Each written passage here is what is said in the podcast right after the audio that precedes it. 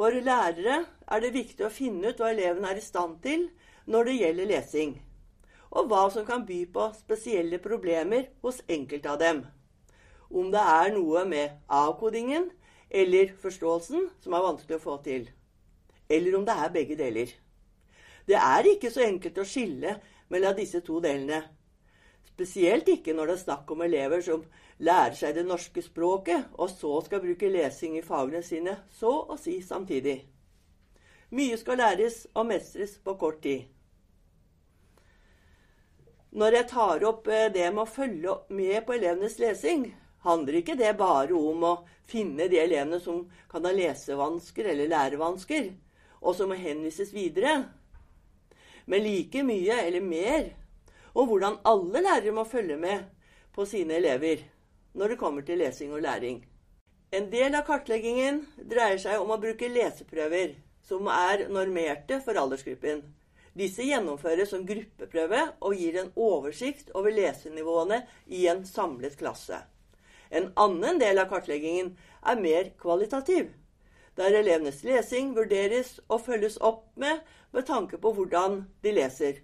Både normerte leseprøver og kvalitativ kartlegging krever et godt og avtalt samarbeid lærere imellom. Med tanke på å ha en plan for når det skal gjøres, hvem som skal gjøre det, og ikke minst hvordan den kunnskapen man får om elevenes lesing, deles med de læreren som selv ikke har vært med på å kartlegge.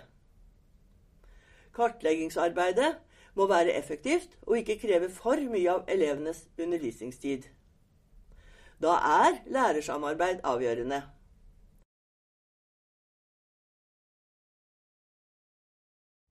Leseprøver kan tas med hele klasser, slik at det er mulig å få et visst overblikk over klassens leseferdigheter. Dette vil være prøver som er prøvd ut og normert med og for elever som har norsk som sitt førstespråk. Og da vil de være mer krevende å få til for elever som holder på å lære seg det norske språket samtidig. De fleste elevene vil også bruke mer tid enn de elevene testene er normert for fordi de må gå veien om sitt eget språk for å skape mening. De må tenke seg mer om for å forstå, slik at de vil mest sannsynlig trekke noe ned for de aller fleste. Det er imidlertid likevel mulig å antyde et lesenivå, som f.eks.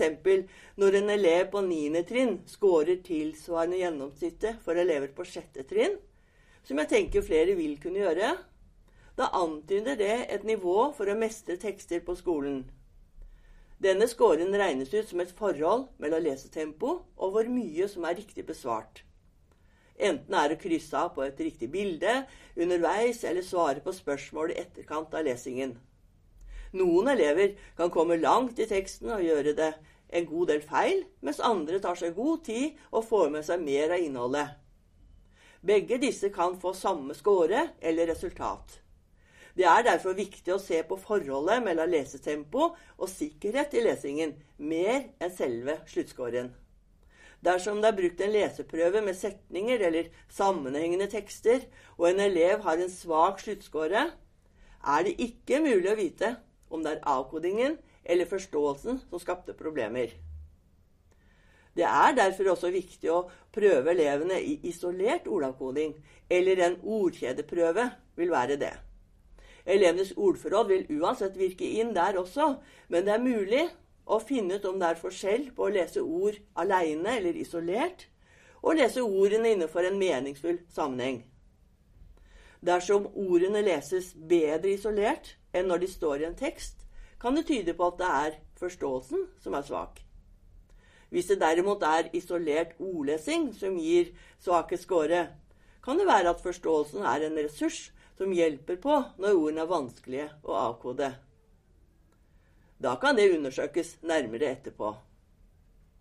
Dette er uansett foreløpige antakelser, for de normerte leseprøvene påvirkes av flere forhold. Det er derfor viktig å supplere med en mer kvalitativ vurdering, der det er mulig å gå nærmere inn på hvordan elevene leser, finne ut hva de får bra til, og hva de kan streve med. Dette handler ikke om de elevene som skal henvises videre til en mer spesialisert kartlegging på nivå 2 eller 3, men om hvordan kvalitativ vurdering kan gjennomføres for alle elevene, ikke bare de som har skåret svakt på leseprøver. Da må dette organiseres av lærerne imellom, slik at noen lærer har anledning til å ha elever på tomannshånd. Observere deres lesing og snakke med dem om det å lese på skolen. Dette vil ofte være kontaktlærer eller norsklærer, som så informerer de andre lærerne på trinnmøter. Så kan alle lærerne også ta seg tid til å høre litt på hvordan elevene leser, og snakke med dem om det å lese. Dette vil også være naturlig siden hvert fag har sine spesielle typer tekster og arbeidsoppgaver, som krever ulike måter å lese på. Det er f.eks. For stor forskjell på å lese fagtekster og litterære tekster. Og det er også forskjell på å lese fag som naturfag og matematikk, som krever svært nøyaktig lesing hele tiden, og fag som historie og norsk, som har mer varierte tekster og oppgaver, som også gjør det mulig å lese på ulike måter. Da er faglæreren den beste til å snakke med sine elever om det å lese, både generelt og spesielt i sine fag. Begge deler. Det som kreves, er at dette samordnes på trinnene, slik at elevene ikke opplever at flere lærere spør om det samme hele tiden. Da blir det for mye, og de elevene vil kunne gå lei. Når elever leser høyt, er det mulig å høre om de snubler i ordene, leser lyder feil, bytter om på bokstaver, kutter endelser, mister småord i setningene, eller overser tegnsetting som komma og punktum.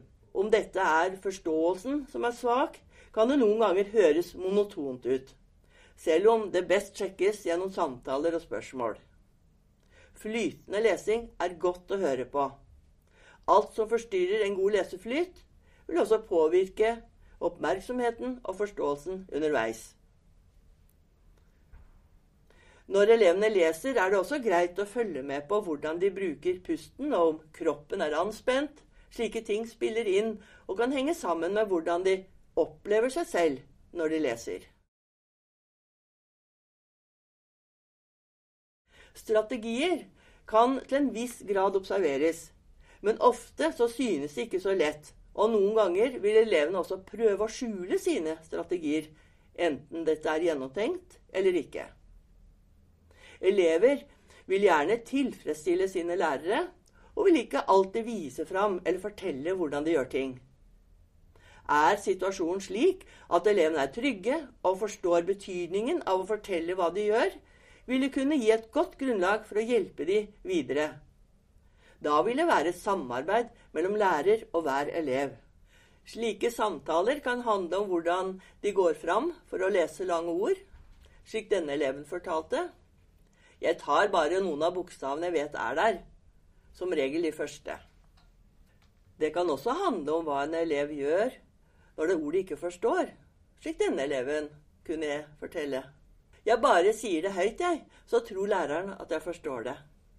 Avkodingen var på plass, så det gjaldt for henne å gi inntrykk av å forstå det hun leste. Hun ville det skulle gå bra i faget, og at læreren skulle være fornøyd med henne. Slike samtaler kan også handle om hva en elev gjør for å forstå en tekst. Ikke rent sjeldent har jeg fått dette svaret. Å forstå?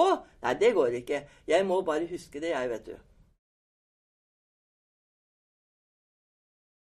Det vil også være mulig å følge opp elevene ved å be de skrive korte beskjeder om hvordan de opplever undervisningen, og hvordan de syns lesingen fungerer for seg. Da er dette korte beskjeder på en lapp i en notatbok, elektronisk eller på annen måte. Slike tilbakemeldinger skal ikke på noen måte rettes på eller vurderes. Det må være fullstendig trygt å uttrykke seg. Det er kun snakk om korte beskjeder fra elevene, som rutinemessig gis mot slutten av en skoletime eller en kortere læringsperiode. Det er også mulig å få slike tilbakemeldinger fra elevene ved at de krysser av på svaralternativer, eller ved at de gir andre tegn til mestring og utfordringer. Det er også nødvendig å avgrense elevenes tilbakemeldinger ved å gi dem spørsmål å svare på, slik at det svaret blir så konkret som mulig. Generelle utsagn hjelper ikke. Når undervisningen skal lære elevene å bruke gode strategier, er det viktig å etterspørre nettopp det. Slik at de blir mer bevisst egne handlinger og egne muligheter. Noen ganger gis det beskjeder som krever umiddelbar oppfølging, som den gangen en elev skrev til meg 'Jeg er dum'. Oppgaven denne timen var å finne og forklare sammensatte ord i fagteksten. Om elever skriver eller tenker slik om seg selv, vil de ikke yte den innsatsen som kreves for å klare seg i skolen. Elevenes selvoppfatning har like mye å si for deres videre skolegang som hvor gode de er til å beherske språk og lesing. Disse tingene henger også nøye sammen og må passes på hele veien. Ved å gi elevene en stemme gjennom slike tilbakemeldinger er de samtidig med på å påvirke lærerens undervisning. Lærere kan også fortelle hva de selv lærer ved å få disse tilbakemeldingene fra elevene. Elevene vil oppleve medvirkning i sin skolehverdag. Og det vil heller aldri handle om lesing aleine. Det elevene gjør når de leser, er en forlengelse av hvordan de opplever seg selv og det å gå på skole.